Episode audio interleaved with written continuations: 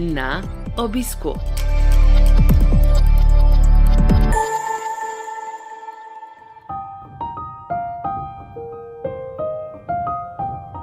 Dobrodošli v novi epizodi serije podkastov na obisku, ki nastaja v produkciji Slovenskega združenja bolnikov z limfomom in leukemijo.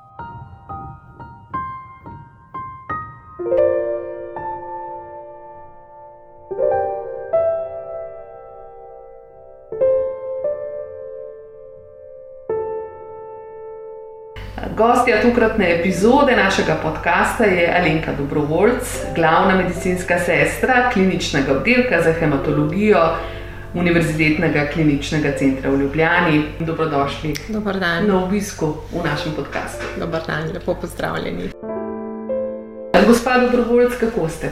V redu, dobro, uh, delavno, vsak dan znova uh, novi izzivi, novi načrti, nove situacije, kjer se pač uh, spopadamo na oddelku z novimi stvarmi, uh, z bolniškimi, z odhodi, z novimi prihodi.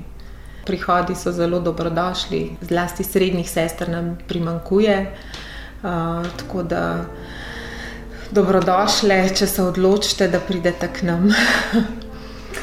O tem pozivu bomo še malo kasneje, ker je eh, pravzaprav javnost dosegel že poleti.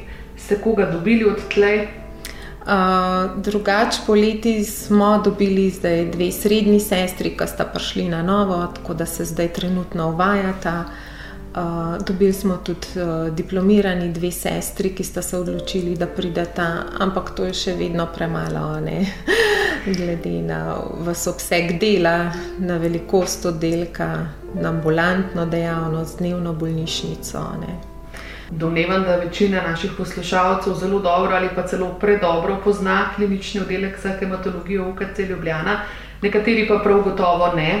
Kako bi pojasnili, kaj vse počnete pri vas za bolnike, s kakšnimi bolniki imate opravka in zakaj ste pa v njihovem primeru veseli odhodov in ne prihodov? Ja, naš oddelek uh, je nekako razdeljen na tri cone, bi temu rekla. Nekako imamo modri, modro cono, kjer je hospitalni del, potem oranžno cono, uh, ki zauzema enoto za transplantacijo in kemoterapijo, in pa še intenzivno enoto. Uh, tako da, če zauzamem vseh postelj, je 40, uh, tako da je kar velik oddelek. Uh, K nam prihajajo različni bolniki, tudi splošni internistični primeri, bolniki eh, na lažje kemoterapije, potem bolniki, eh, ki grejo v aktivni proces zdravljenja, eh, in potem bolniki, ki čakajo na presaditev, in potem bolniki po presaditvi. Tukaj gre predvsem za transplantacije, bodi si alogenske, sorodne, nesorodne, in pa za avtologne presaditve to so pa večinoma plazmocitomi. Mhm. Lahko tudi večkratne? Ne? Tudi večkratne, seveda, naši bolniki se vračajo, lahko se tudi uh, pač je, pride do ponovne transplantacije. Ne? Potem bolniki se vračajo tudi na uh, kemoterapijo, na naslednje cikluse, tako da prihajajo uh, veliko krat k nam nazaj. Veseli pa ste, ko jih lahko odpustite. Seveda smo veseli, ko jih spustimo potem v domačo skrbo. Najbolj smo pa veseli, če se pridejo potem kaj pokazati, uh, pridejo v ambulanto, pridejo potem tudi na oddelek, uh, nas razveselijo s kakšno. Uh, sledico, kaj nam prinesejo, in pa se nam tudi zahvalijo s pisno uh, čestitko, tako da smo res veseli. Si predstavljam, da je to verjetno vse življenjska hvaležnost, pa ne enega človeka, ampak še njegovih ljudi, njegove družine, svojcev. Tudi svojcev, ja, tudi svojci so tukaj vključeni, uh, sodelujemo tudi svojci, prihajajo pač na pogovor. Uh, pridejo že na pogovor, recimo, če gre bolnik v proces presaditve, lahko pridejo z njim, tako da slišijo vse, kar je pač, uh, kar zadeva proces presaditve potem na same informacije. Uh, bodi si trenutno, seveda, obiskov nimamo, Ampak, če pač bolnik potrebuje to psihično podporo, pa da mi prepoznamo, ne, da bi mu pač svojci nekaj doprinesli, tudi to omogočimo in tudi uh, izvedemo bris COVID, tako da lahko od svojcev kdo pride k bolniku. Zdaj le ravno ta najmenj podcast snemava v zabojniku, zadnje strani kliničnega centra, ne? Ja, to je vaša COVID točka. Ja, nekako COVID točka, kjer se izvajajo brisi za COVID vsak dan eh, med tednom ob 13. uri, med vikendom, soboto, nedeljo ob 12. uri, prav tako praznike. Mm, tukaj brišemo eh, tudi naše zaposlene eh, in pa vse bolnike, ki pač prihajajo na sprejem, v proces presaditve, na naslednjo kemoterapijo.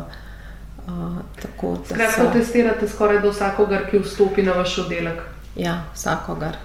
Zakaj je to tako zelo pomembno? Uh, ja, to je res zelo pomembno zato, ne, ker na oddelku naši bolniki so imunsko zelo ogroženi ne, in se pač bojimo. Vsaka najmanjša okužba, bodi si prehlad, je lahko za njih usoden.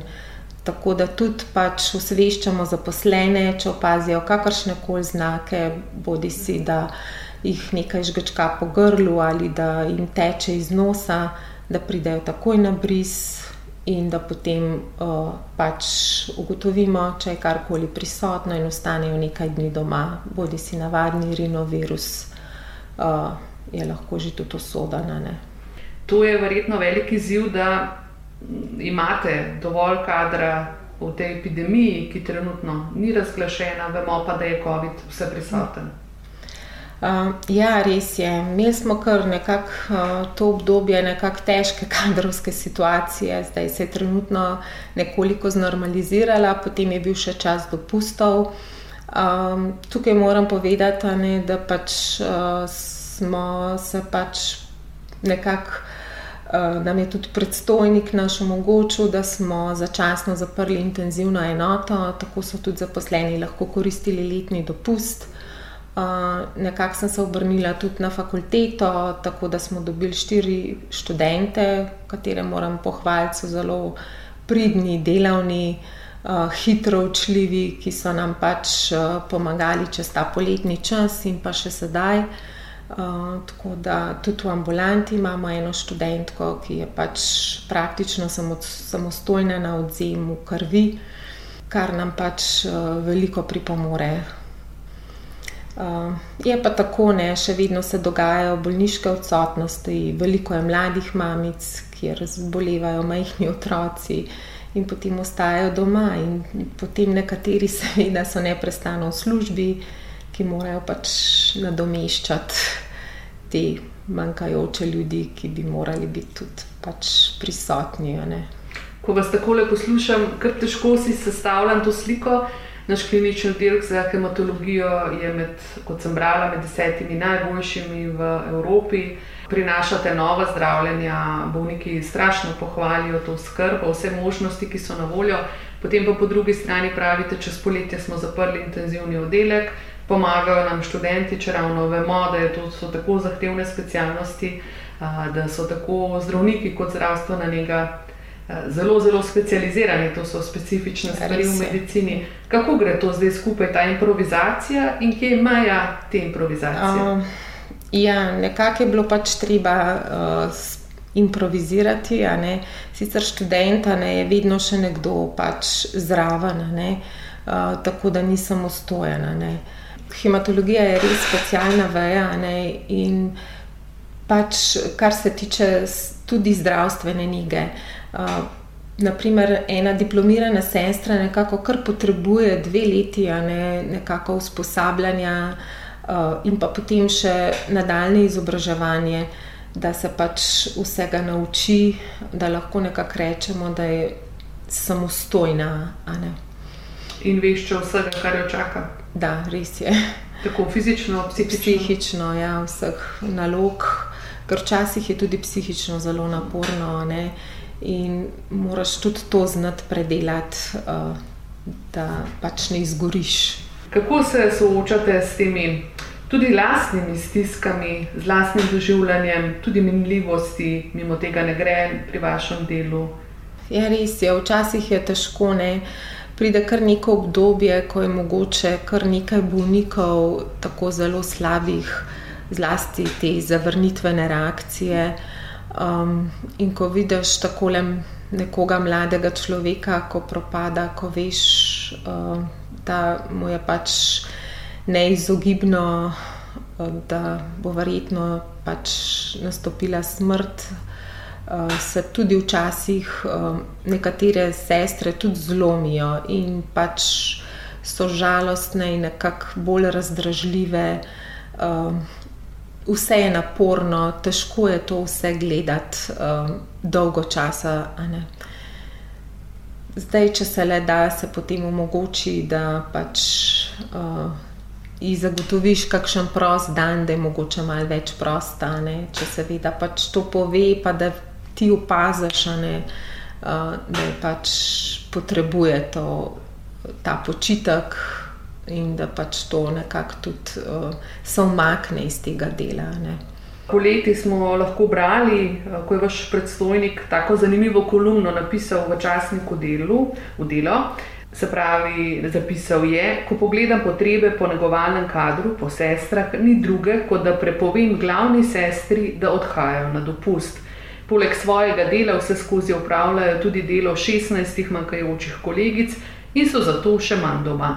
Poleg otrok postajajo vse bolj nezadovoljni tudi njihovi možje. Ja, to je čist res, eh, kar je pač naš predstojnik napisal.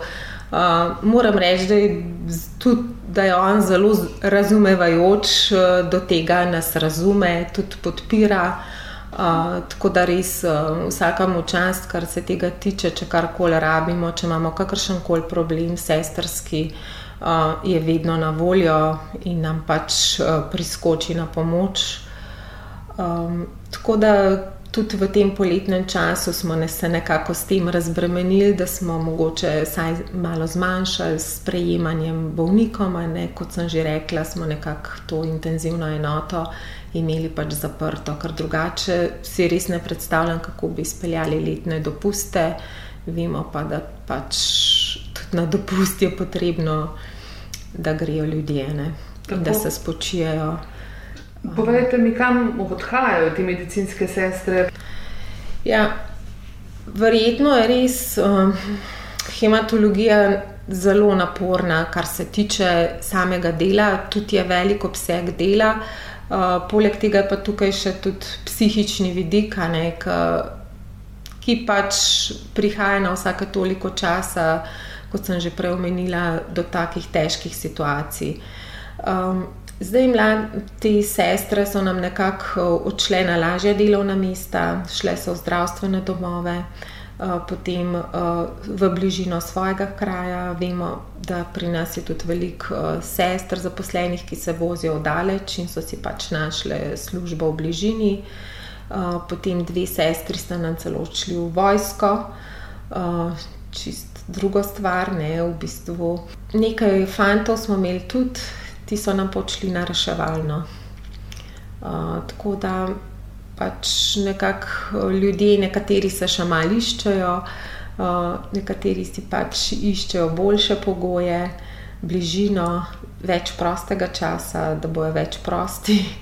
Uh, saj vikende, praznike, vemo, da tukaj ne, pač v terciarni ustanovi pač delaš vsak dan, vse dni v tednu. Um, Vi ste kot gostilna. Ja, res je. sem želela, da bi bil štos, pa ni ravno, ne, ker ne. so stvari zelo, zelo resne in ne na zadnje žalostne, če do tega prihaja. Povejte mi, gospod Dobrovoljc, kaj pa je tako lepega v hematologiji, da tudi vi osebno ustrajate že leta in leta da smo našteli kar nekaj, ne? v bistvu uvir, težav in tako mhm. naprej. Kaj pa tisto, kar vas vleče, kar vas pa izpolnjuje? Ja, jaz nekako rada delam v tem poklicu, že od vsega začetka. Mm, tudi to je bila moja nekakšna prva služba, ko sem prišla na hematologijo. Um, in nekako sem se uh, najdla tukaj noter. Uh, moram reči, da je pa tako, res, um, ko vidiš te. Um, težke bolnike, ki prihajajo k nam, uh, tisto njihovo zadovoljstvo, ne vem, srčnost, ki ti jo potem izkazujejo, uh, že samo s drobno zahvalo, uh, ko se ti pridejo pokazati po presaditvi, uh, je to res uh, nekaj osrčujočega, kar lahko vidiš. Česa pa na drugi strani pri bolnikih ali svojcih niste v enaki meri veseli? Ja, sigurno ne, če pride do raznih zapletov, um, če pride do poslabšanja bolezni, do relapsov, sploh pri mladih, tega je ogromno. Um, in ko vidiš, um, koliko nekdo pač da čez vse te terapije, vsa ta zdravljenja, uh, ampak mu potem na koncu vseeno ni pomoči. Uh, imela sem v mislih tudi ta odnos med medicinsko sestro in bolnikom. Zato, če se čas kaj spremenja. Ja, čist različno. Ne? Uh, zdaj, nekateri uh, bolniki tudi niso tako zaupljivi, recimo, um, ampak takih je zelo malo. No. Večinoma nam, se, nam bolniki kar zaupajo, um, se pač uh, prepustijo um, naši pač obravnavi, tako zdravnikom, kot medicinskim sestram, um, so poslušni in pač sprejmejo ne, vse, kar jim pač. Rečemo, da je pač dobro za njih, za njihovo zdravje. Se prepustijo in tako v timu potem grejo zdravje naproti. Ja. Kakšnega bolnika imate, medicinske sestre, da rečem, raje, oziroma si želite, ali je to bolnik, ki veliko ve o svoji bolezni, ali je to bolnik, ki se popolnoma prepusti, zaupa in ne želi preveč informacij. Kako pomembna z tega vidika je ta zdravstvena edukacija? Um, ja, da, v današnjem času um, bolniki zelo veliko vejo že. Večinoma. Uh, vejo, so zelo načitani, dobijo vse te informacije iz, pač iz interneta, iz literature, zelo veliko preberejo, tudi tuje članke. Um, tako da um, je v bistvu um, nekako um, že pridajo pripravljeni, ko pridejo k nam na zdravljenje. Um, redko kateri, no, da ne bi nič vedel o svoji bolezni. Je pa seveda še vseeno uh, vsak pogovor, ko pridejo, tudi dobrodošel, in pa potem ta sprotna edukacija, recimo uh, po teh drobnih korakih, ko recimo bolnik začne s kemoterapijo, ko začne s ciklusom. Vse te drobne težave, ki lahko recimo nastopijo, uh, Je pa velik uh, doprinos prinese medicinska sestra, ki ga na vse te stvari uh, opozarja, da se on samo opazuje, ona ga opazuje in tako lahko se hitro ugotovi, če pride do kakršne koli uh, spremembe. Ko ste ravno omenili kemoterapijo, tukaj, ne, če so presaditve in tako naprej, so to zelo neke močne scheme, a ne teh kemoterapevtikov. No, v tem članku, ki sem ga omenila od poletja, je profesor Zver tudi zapisal, Eh, ali bi želeli delati v okolju, nekako tako na no, okolju, ki lahko povzroča raka, v tem smislu, da krvi uh, pač aplicirate bolnikom te citostatike, da ste tudi sami izpostavljeni. Ja, smo pač izpostavljeni, uh, glede na to, ne, da so to nevarna zdravila, uh, kemoterapevtiki, tudi biološka zdravila. Uh, zdaj tukaj je zelo pomembno, da se zaščitimo, ne, da pač uporabljamo osebna zaščitna varovalna sredstva, da znamo ravnati potem tudi z odpadki. Moraš to pač se ozavestiti, uh, da res pač deluješ po vseh pravilih ne, samozaščite. Zdaj, včasih ne, smo bili mogoče še več izpostavljeni, ko smo to na starem oddelku, recimo, jaz se še spomnim, smo sami pripravljali kemoterapije, visoke doze. Ne. Zdaj je že par let, ne, smo pa pač tega izuzeti. Ne, in to je zelo elegantno, ko dobimo z lekarne že pripravljeno kemoterapijo, tako da je potem medicinska sestra samo nastavi bolniku. Uh, in potem, ko pač kemoterapija steče, jo pač odstavi. Sam zavedati se pa moramo, ne, da bolniki vse to tudi izločajo. Ne. Zato moramo tudi paziti na vse te izločke, na, da se pač tudi takrat ustrezno zaščitimo. Ne vem, ko preoblečemo njegovo postlo, ko si zamenja pižamo, ko pač odnesemo kakšne njegove izločke, da smo pač ustrezno zaščiteni. Me je presenetilo, ko je bilo zapisano, da če bi temu ne bilo tako, ne bi medicinske sestre, ko postajajo mamice, ne, s prvim dnem.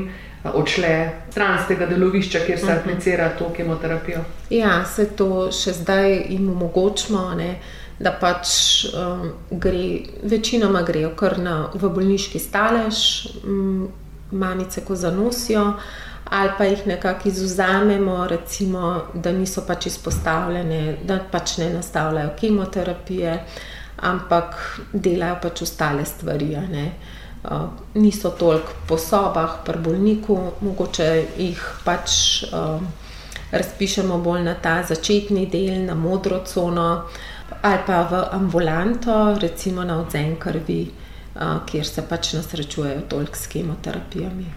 Povejte mi, gospod Dobrovoljc, če imate tukaj le babico, recimo, ki prejema te scheme kemoterapije, ne, močnih, pa potem gre domov, recimo čez čas v domače okolje, pa ima hčero, ki je noseča ali pa je čisto doječa mamica in tako naprej. Je to nevarno potem tudi v domačem okolju? Uh, ne, v bistvu ne. ne. Dobro. Kar naprej je kaj novega v tej hematologiji, tako že vse pravzaprav zveni rahlo znanstveno, fantastično, ne, kako se spreminjajo te terapije, to zdravljenje v tujini oziroma v fazah, recimo kliničnih raziskav. To za vse, vse za vas pomeni, da morate biti kar naprej na preži, se učiti novih reči ali se motim. Ja, res je. Veliko se je spremenil, a, tako da se morajo tudi medicinske sestre pač uh, vedno znova učiti nove stvari. Um, ehm, naprimer, zdaj prihaja karti, celična terapija, um, potem novosti so tudi pri um, zdravljenjih, ko moraš poznati nove scheme, uh, kemoterapije, potem nova biološka zdravila. Uh, vsako biološko zdravilo ima svojo schemo, kako teče, kakšne so lahko reakcije, na kaj moraš biti pozoren.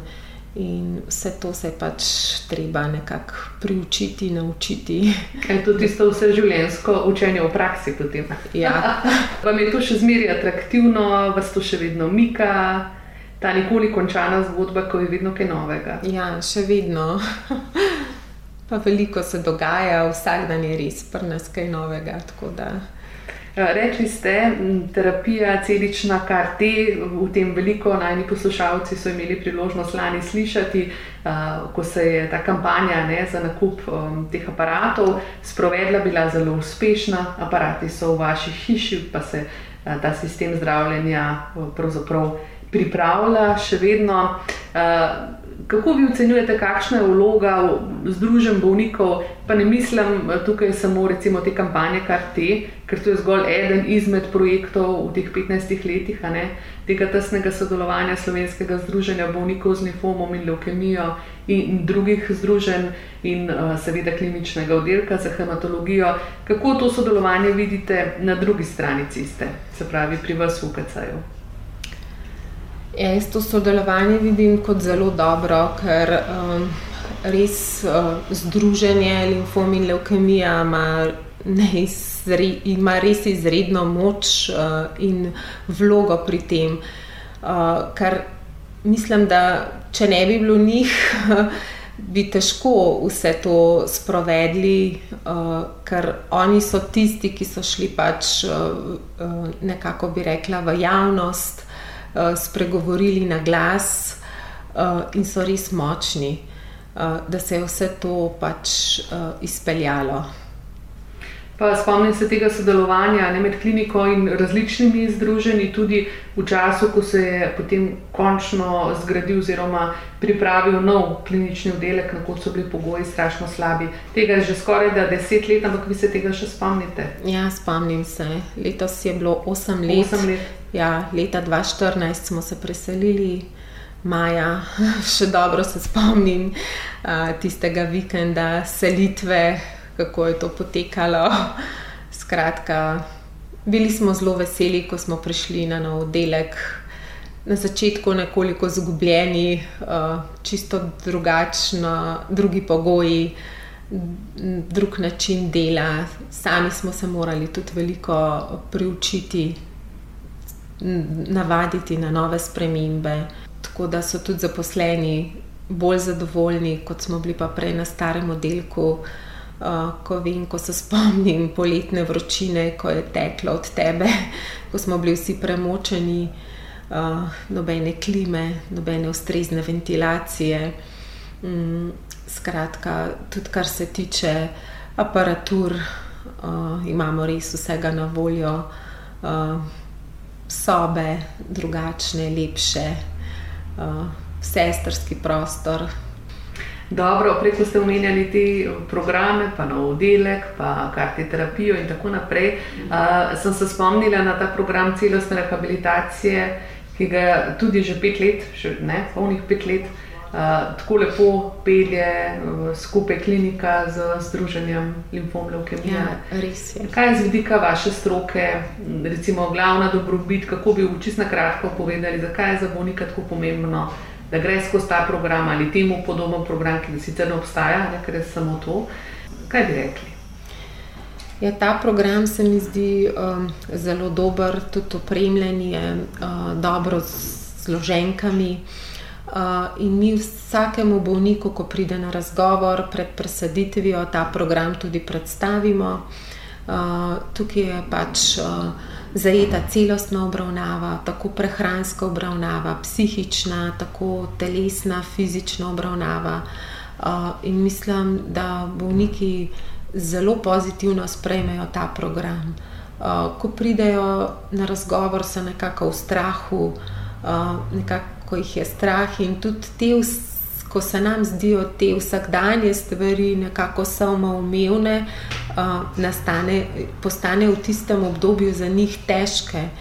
In uh, mislim, da jim prav s tem programom mi lahko nudimo, da se pač uh, postavijo za sebe, da znajo polno poskrbeti za sebe, uh, da se vključijo uh, v ta program uh, z različnimi strokovnjaki. Uh, kar se tiče prehranske podpore, imajo na voljo dietetičarko, se lahko z njo pogovorijo, kar se tiče telesno-fizične kulture, se pač eh, obrnejo na našo fizioterapevtko, lahko hodijo na organizirano vadbo. Eh, prav tako, kar se tiče psihičnega programa, eh, imajo na voljo psihologinjo za pogovor. Skratka, nekako so celostno obdelani, mhm. podprti in obravnavani. Zanima me, kako si vi oddahnete, kako vi presekate službo, si napolnite baterije, kaj počnete v prostem času. Ja, v prostem času največ se pač predahnem s tem, da grem na kakšen tek tako, ali pa na bližnji hrib. Tečete, redno? Ja, nekako kar dvakrat na teden, če mi le uspe. Uh, tečem, koncu tedna grem na kakšen hrib. Um, če pa kakšen daljši dopust, grem pa rada na kakšno daljše potovanje. Kdo v življenju vam pa pomaga polniti baterije? Ja, pač naj, tista najožja družina, uh, hči, sin, pa mož, drugače pa v službi, sodelavci, prijatelji. Uh, to.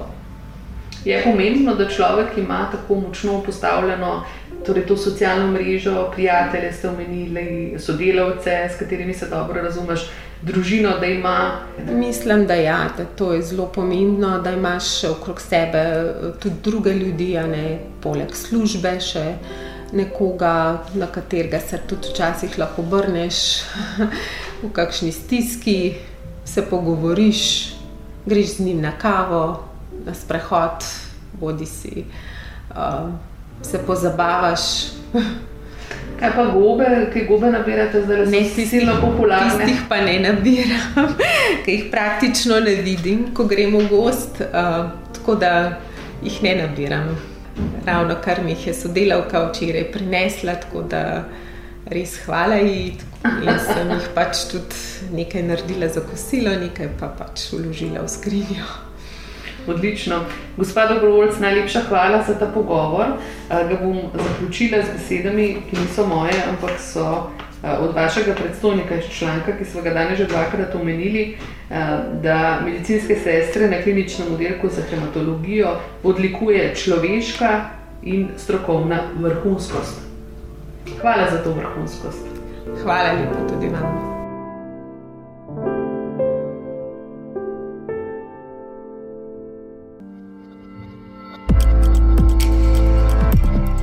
V našo družbo vabljeni spet čez 14 dni. Naslišanje.